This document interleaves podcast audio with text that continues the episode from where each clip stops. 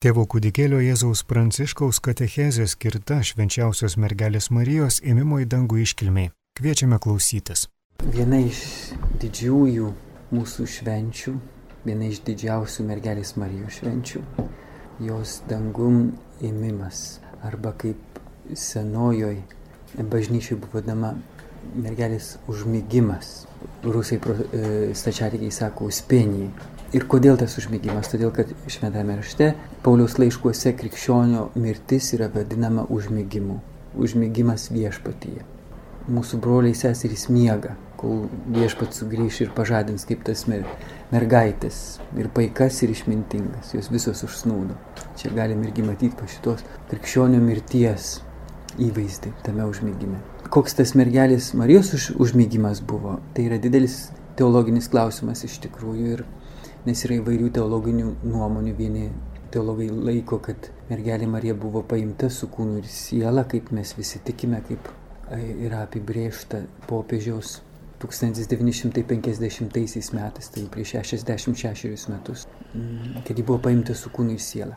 Bet tas dogmos apibrėžimas, kurį, kuris yra mūsų tikėjimo dalis, kurį mes tikime kaip, kaip krikščionys katalikai, jis nieko nesako apie modalumą, kaip jeigu pavartosim tą teologinį keiksmažodį ir filosofinį keiksmažodį.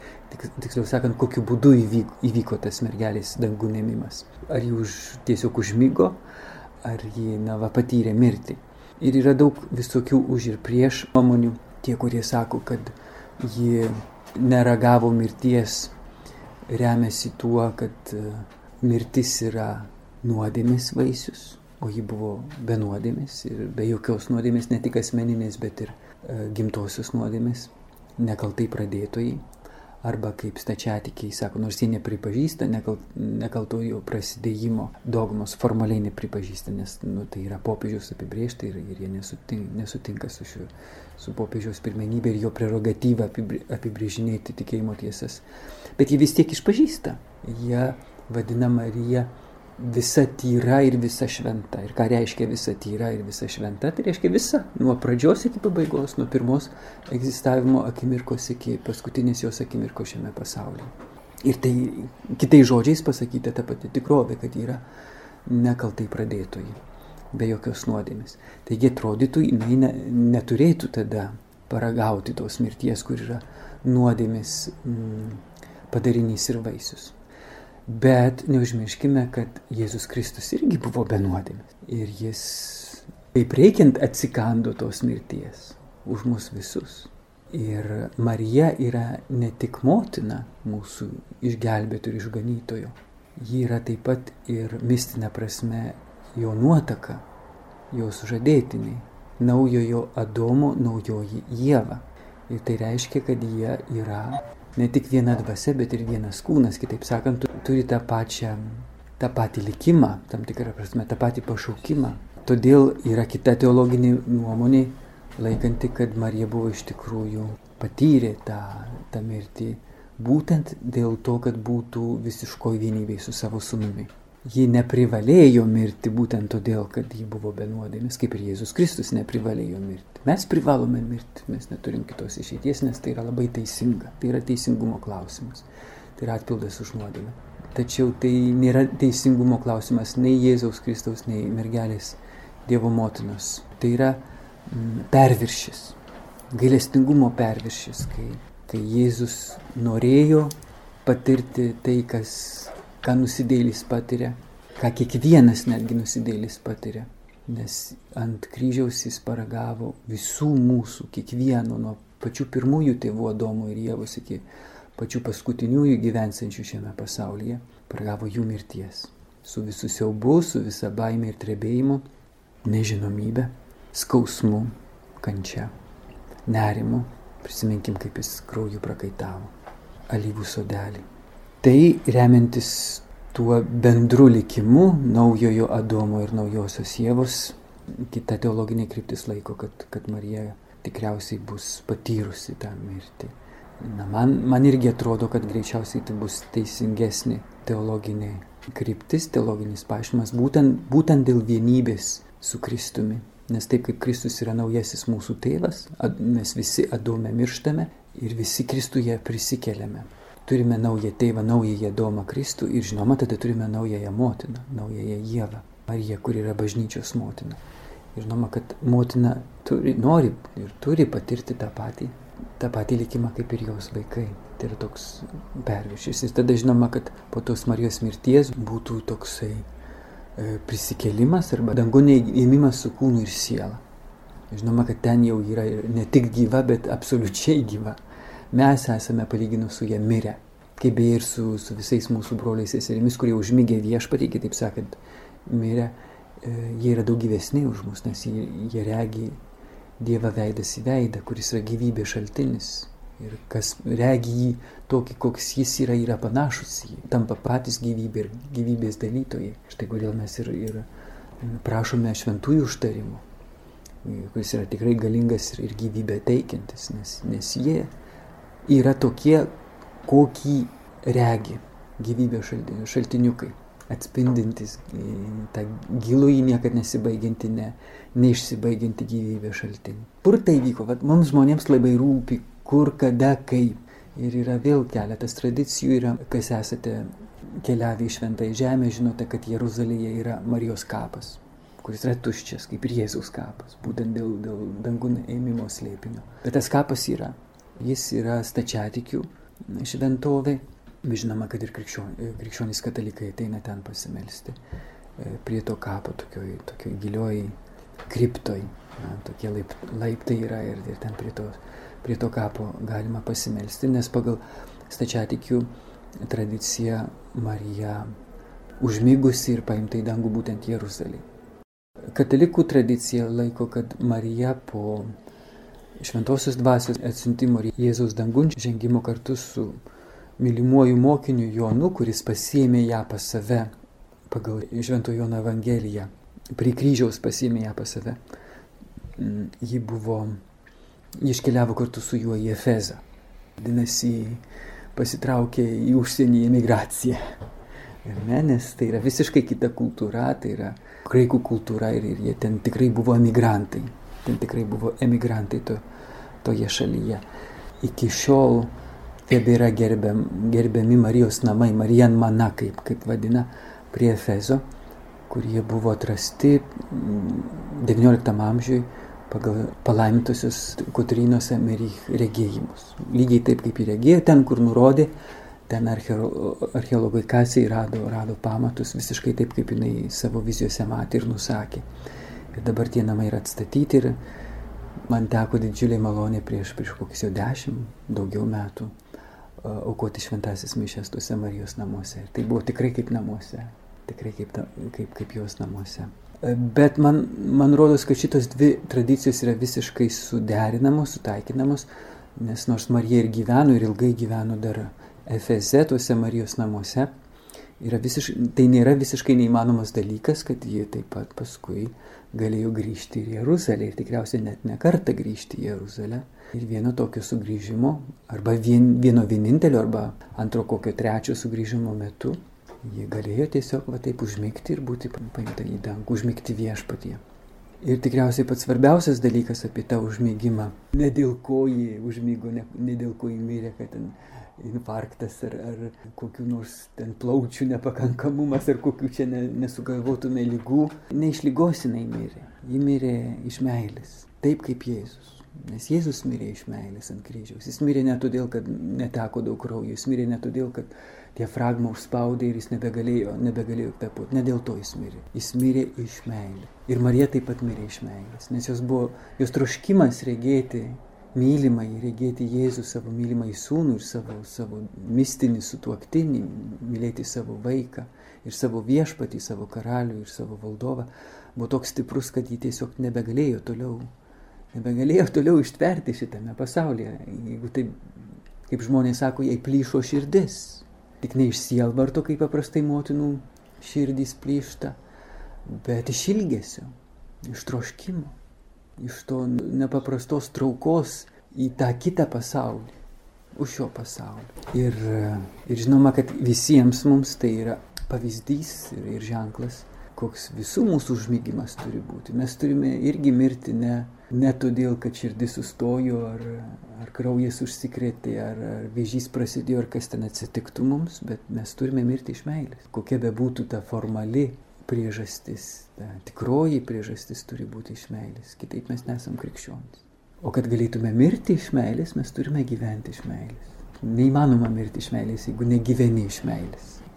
Tikrai gali būti labai tokia nepaprasta malonė kai kuriems žmonėms, kad jie stipriai ilgisi, ilgisi viešpaties veidų ir, ir tiesiog nebenori čia pasilikti šiame pasaulyje ir laukia, laukia, kada, kada galės nemirti būtent, bet įžengti į gyvenimą, kūdikėlio Jėzus Teresėlės žodžiais pakartojant.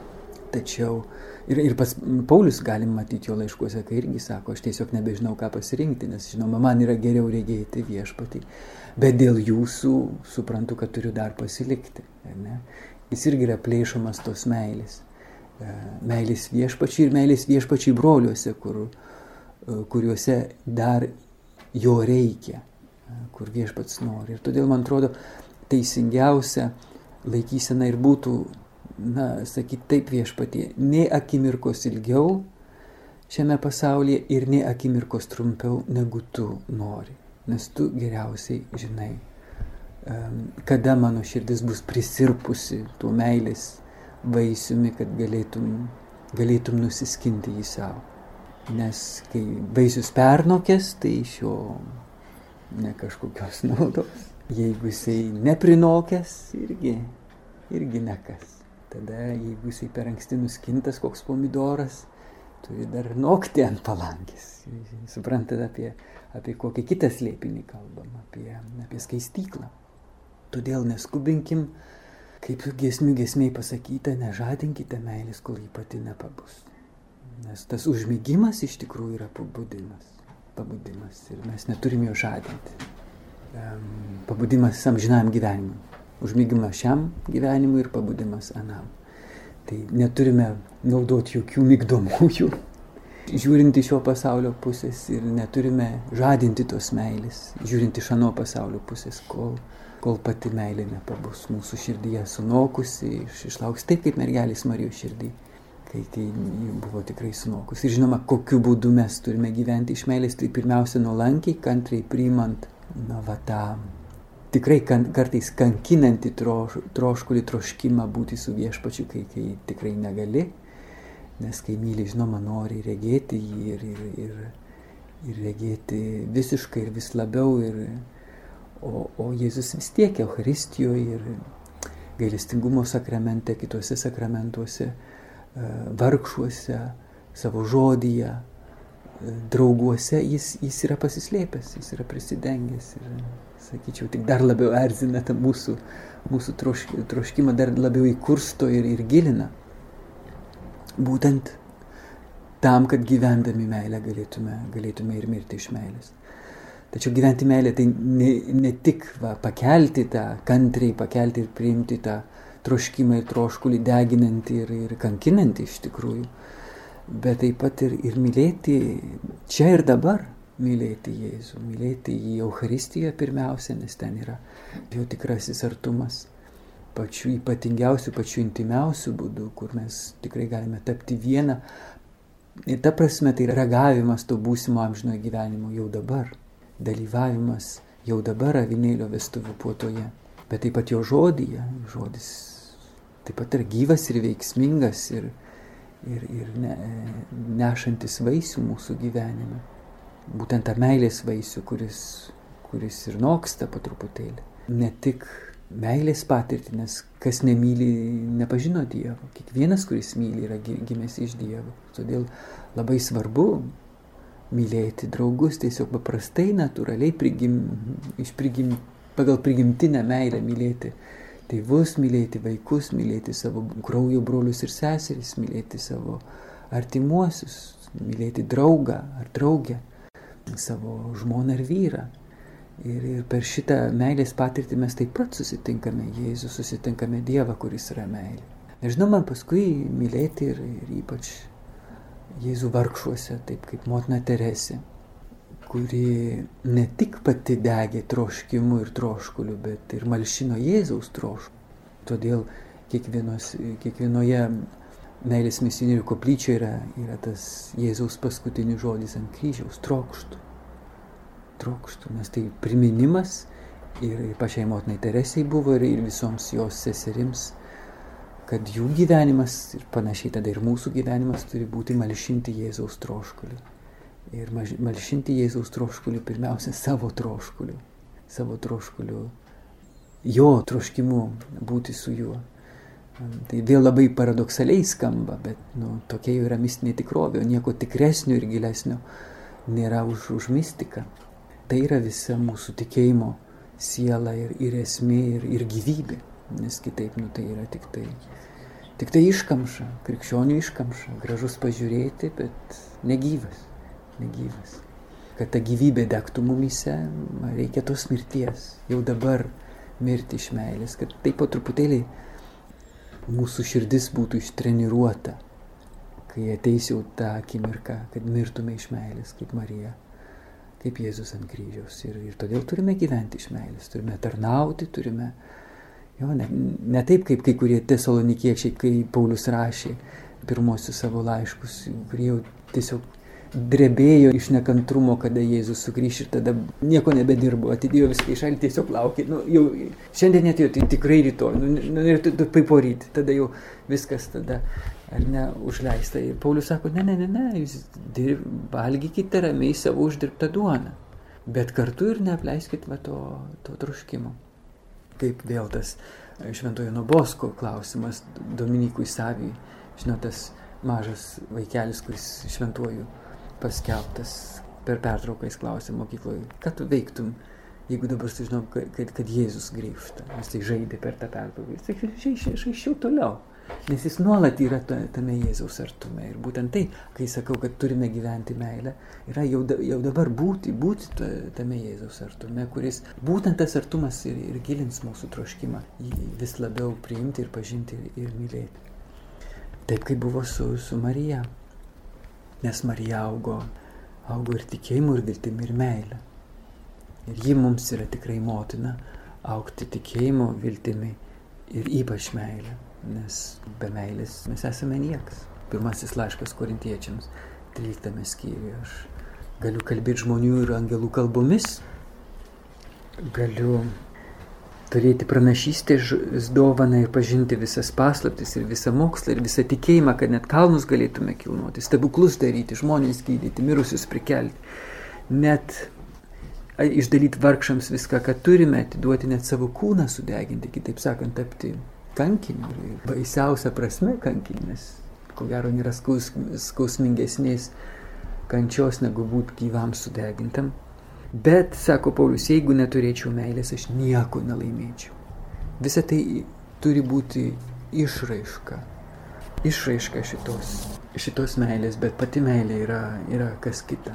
Ką kūdikėlio Jėzos Teresėlė labai gerai suprato, jinai irgi troško būti viskuo, jinai norėjo būti pranašas, jinai norėjo būti mokytoja bažnyčios, tai tapo tarp kitko, jinai norėjo būti kunigas, jinai norėjo būti uh, kankinė ir iškentėti visų kankinių, visas kančias nuo pradžios iki galo. Jinai, jinai norėjo, norėjo visko, bet matė, kad negali nieko. Ir tik tada, tik tada gavo tą dovaną suprasti, kad, kad tada, kai bus motinos bažnyčios širdyje meilė, tada jinai bus viskas. Tada jinai bus viskas.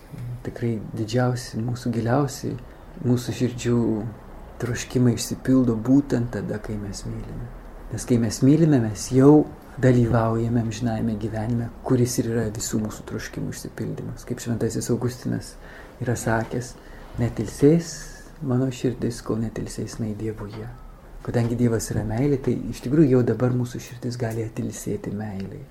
Atilsėti meiliai jau, jau dalyvauti, dalyvauti tame amžinajame gyvenime. Žinoma, kad, kad um, Meilė taip pat reiškia mirti.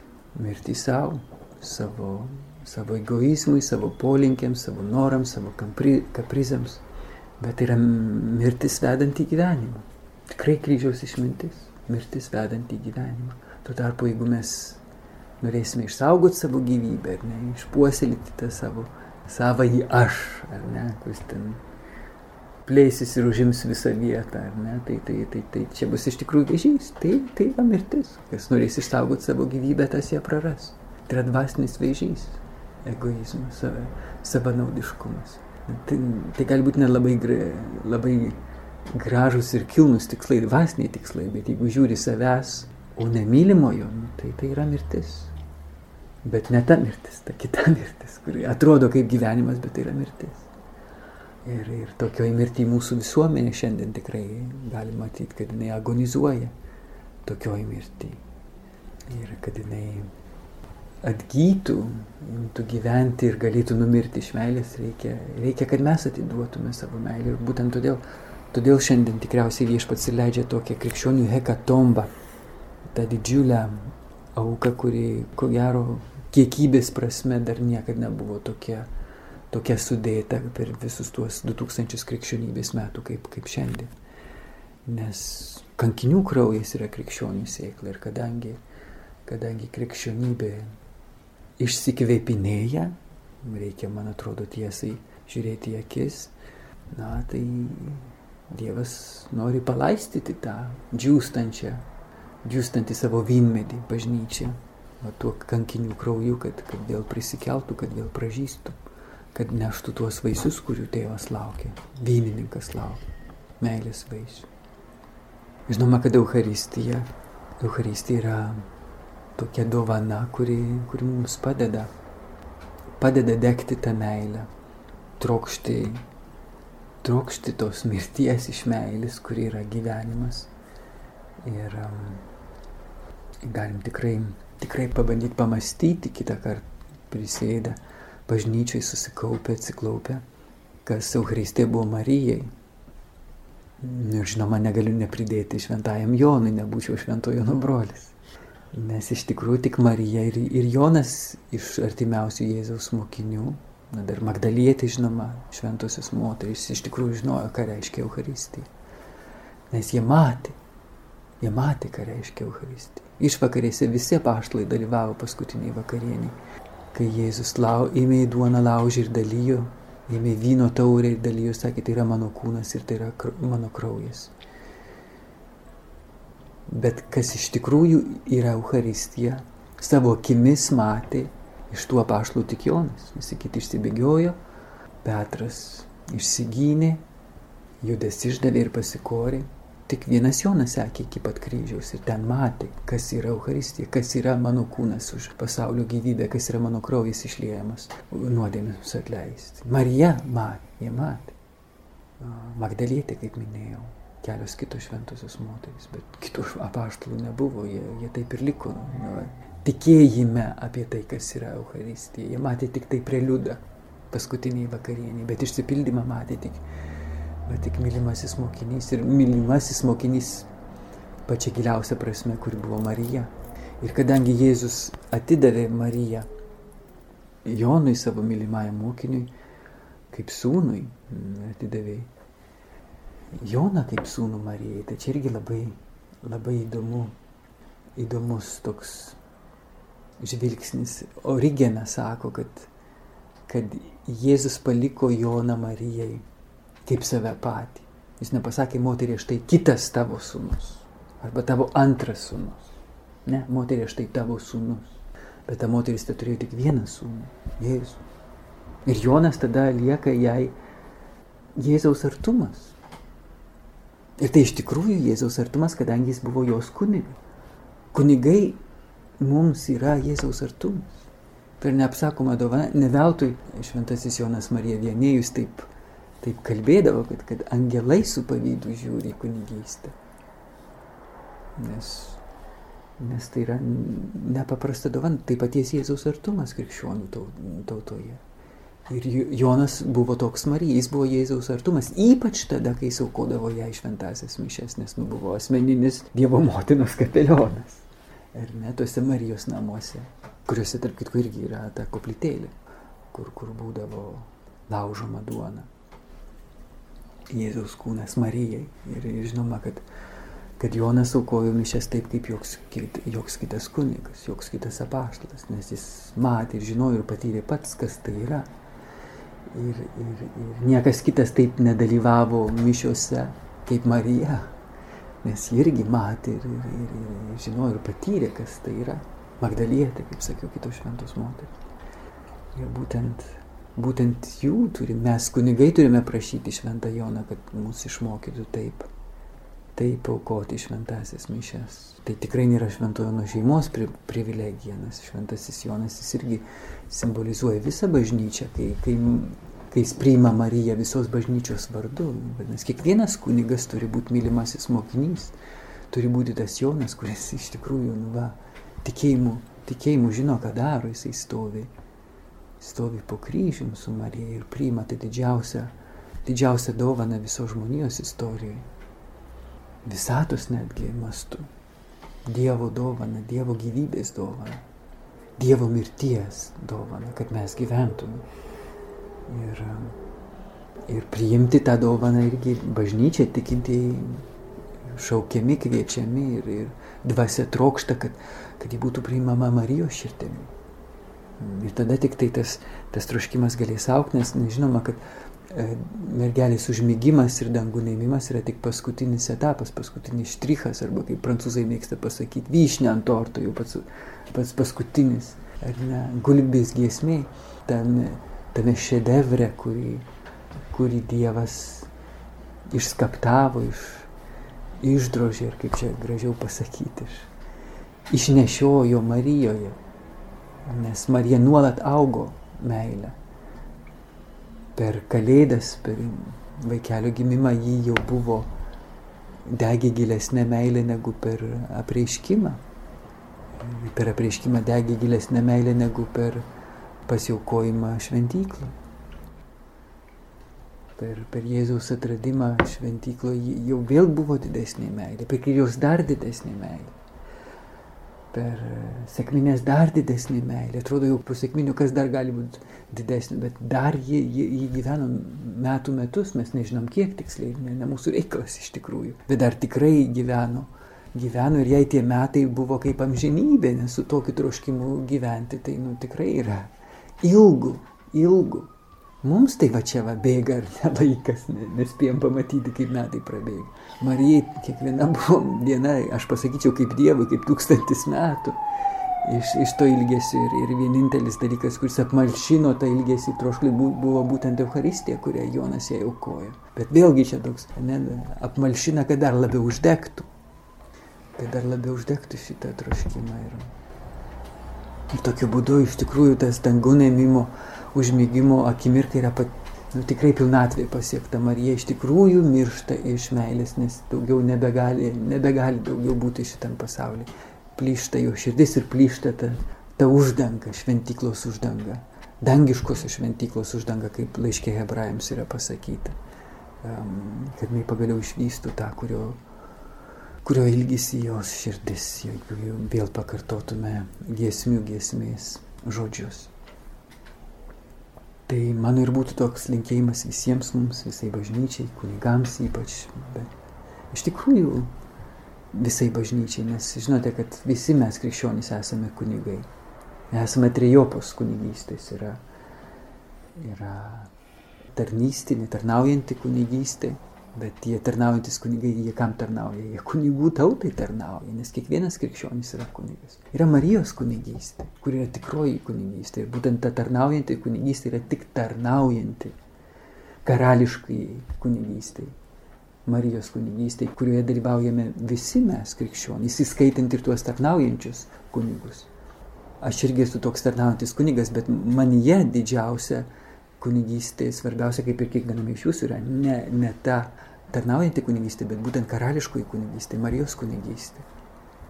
Ir aš dar pridūčiau, iš tos dvi kunigystės jos yra tokios tradicinės, bet aš manau, kad galima dar išvelgti taip pat ir tą ne tik Petro kunigystę tarnaujančią, ne tik Marijos kunigystę, karališką kunigystę, taip pat ir Jono kunigystę, mylimojo mokinio kunigystę, kuri yra dvasinė tėvystė, kur yra jau nebe tarno darbas, bet tėvo vaisingumas.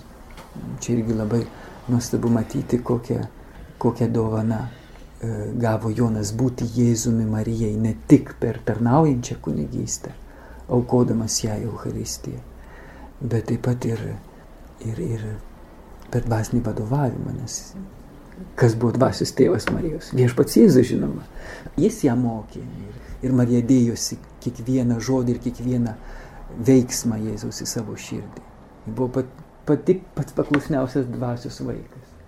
Bet kai Jėzus įžengė į dangų, jis paliko Joną ne tik Euharistijos švęsti savo motinai, bet taip pat ir būti, būti savimi jai, būti Jėzumi Marija, kitaip sakant, būti dvasios tėvu, būti dvasios tėvu. Tai yra, tai yra svaiginantis dalykas ir iš, iš pradžių gali atrodyti, nu kaip šitaip gali būti, nes nu, Marija be jokios abejonės toli lenkia šventumų Joną.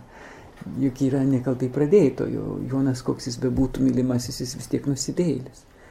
Um, bet tai absoliučiai, kaip pasakyti, toks paradigminis dalykas, nes kai esi kunigas, tau tenka susiturti ir, ir, ir būti tuo teptuku ir skalpeliu ir kuo tik tai nebūti sieloms, kurios nepaprastai šventesnės už tave patį kaip kuniga. Ir, ir tada tiesiog su baime ir drebėjimu eini prie, prie tos sielos, e, žinodamas, kad, nu, kas tu esi palyginus su, su, su ta siela, kuri yra tokia kaip koks serafas deganti ugnimi, o tu esi tik tai nu, kažkoks tarakonas. Bet va šit, šitą irgi yra dovana būti būti dvasios tėvu ir tarnauti, tarnauti tokiu dvasios vedimu daug karštesnėms ir šventesnėms sieloms. Čia, čia galų galai panašiai kaip ir e, šventosios šeimos slėpinys. Juk kas švenčiausias buvo šventojo šeimoje? Viešpats Jėzus. Paskui mergelė Marija. Ir paskui tik Juozapas, kad ir koks šventas būtų tas Juozapas. Bet kas buvo galva šventosios šeimos. Ne Jėzus ir ne Marija, bet šventasis Juozapas, tas, kuris buvo mažiausiai šventas. Kas labiausiai pakluso, tas, kuris buvo šventų švenčiausiasis. Jėzus pakluso ir Marija, ir Juozapas. Marija pakluso Juozapas. Matot, kaip, kaip tas šventumas, šventumas iš tikrųjų jis yra, jis yra va, tuose dalykuose, kurie padaro mus mažus pasaulio akise, bet iš tikrųjų padaro didžius Dievo akise. Nes Jėzus buvo tikrai pats klusniausias vaikas. Ir Marijos ir tėvo, dangiškojo tėvo vaikas. Nes tokiu būdu jis atpirko pirm, pirmojo Dievo sūnaus Adomo neklusnumą. Ir Marija atpirko tokiu būdu. Aš manau, kad galime vartoti šitą žodį atpirko. Žinoma, kad Jėzaus e, nuopelnais ir, ir jo malonės gale, bet atpirko Dievos neklusnumą. Ir tada galime matyti, kokia, kokia skirtinga buvo Marijos mirtis užmėgimas nuo, nuo Jėvos užmėgimas. Jėvos užmėgimas tikriausiai vis dėlto buvo dideliame kartėlyje dėl to, ką, ką jinai padarė. Tuo tarpu Marijos užmėgimas buvo kupinas dėkingumo dėl to, ką Dievas iš to padarė, skaitant ją. Nu, aš drįstu taip pagalvoti, kadangi Marija yra visų šventųjų ir angelų motina. Ir um, kaip šventasis Laurinas Brindizietis yra sakęs, ir bažnyčios mokytos labai garsus viduramžių pamokslininkas, kad mergelės Marijos meilės pilnatvė dar tos meilės augimo pradžioje buvo didesnė negu visų laikų, visų šventųjų kartu paėmus galtinė meilė. Tai mes galime įsivaizduoti, koks ten meilės reaktorius turėjo būti ta Marijos širdis. Ir, ir kadangi, kaip sakiau, yra visų šventųjų motina ir, ir karalienė, kažkaip galvoju, kad joje turėjo tikrai išsipildyti visą tai, kas, kas yra gražu ir nuostabu kitų šventųjų mirtyse, kaip jie, kaip jie mirė. Ir aš ypač galvoju apie šventosios Klaros mirtį, kurios paskutiniai žodžiai buvo, buvo tokie kupini tikro nuolankumo jos paskutiniai žodžiai buvo būk pašlovintas viešpatie už tai, kad mane sukūrė. Kokie tai yra nuostabų žodžiai. Nepripažinti, kad nepaisant mano nuodėmės, mano silpnumo, mano neištikimybių, man jie vis dėlto yra Dievo šedevras. Ir koks gilus tikėjimo žvilgsnis į save. Ir ta prasme mes galim manyti, kad Marija tikrai gėdojo, galbūt ne lūpomis, bet tikrai širdimi gėdojo Magnificat. Daug pilnesnė prasme negu tą pirmąjį Magnificat, kai susitiko uh, Jono Krikštojo motina Elsbieta, kai, kai tie du vaikeliai dar motinų iščiose susitiko ir vienas net šokt pradėjo prieš tikrąjį karalių, panašiai kaip karalius Dovydas prieš sandoros skrynę. Ta jau nebe žodžiais nusakoma magnifikat. Būk pašlovintas viešpatį, kad mane sukūrė. Nes iš tikrųjų iš visų Dievo darbų nuostabiausia yra būtent šitas perlas, dėl kurio galima viską parduoti. Marija buvo pats pirmasis perlas, už kurį Jėzus sumokėjo tokią brangią kainą, savo gyvybės kainą. Ir joje per ją, žinoma, ir visa bažnyčia, kiekvienas iš mūsų. Mes esame Dievo žemčiugai. Jis mūsų irgi nori. Mes irgi turime taip mirti ir paskutinę dieną, gal ne lūpomis, bet širdimi pasakyti, kartu su Šventaja Klara, kartu su Mergelė Marija, savo į magnifikat. Būk pašlovintas viešpatį, kad mane sukūrė. Kad mane tokį sukūrė. Laidoje girdėjote tėvų kūdikėlių Jėzaus Pranciškaus katechezę skirtą švenčiausios mergelės Marijos ėmimo į dangų iškilmiai. O pabaigai giesmė po Mariją. Likite kartu su Marijos radiju.